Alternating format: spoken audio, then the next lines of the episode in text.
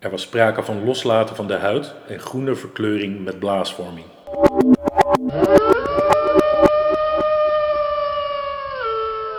Nono, haar kat, kijkt me pissig aan omdat ik een bakker heb geniest.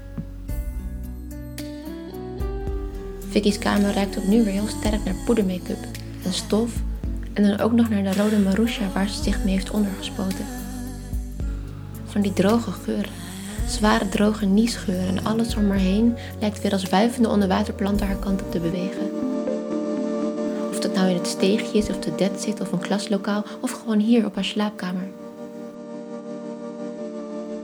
Alles trekt zich samen tot een piepkleine ruimte waarin zij zich bevindt. Tot een paar muurtjes om haar heen, waar ik meestal prima naast pas.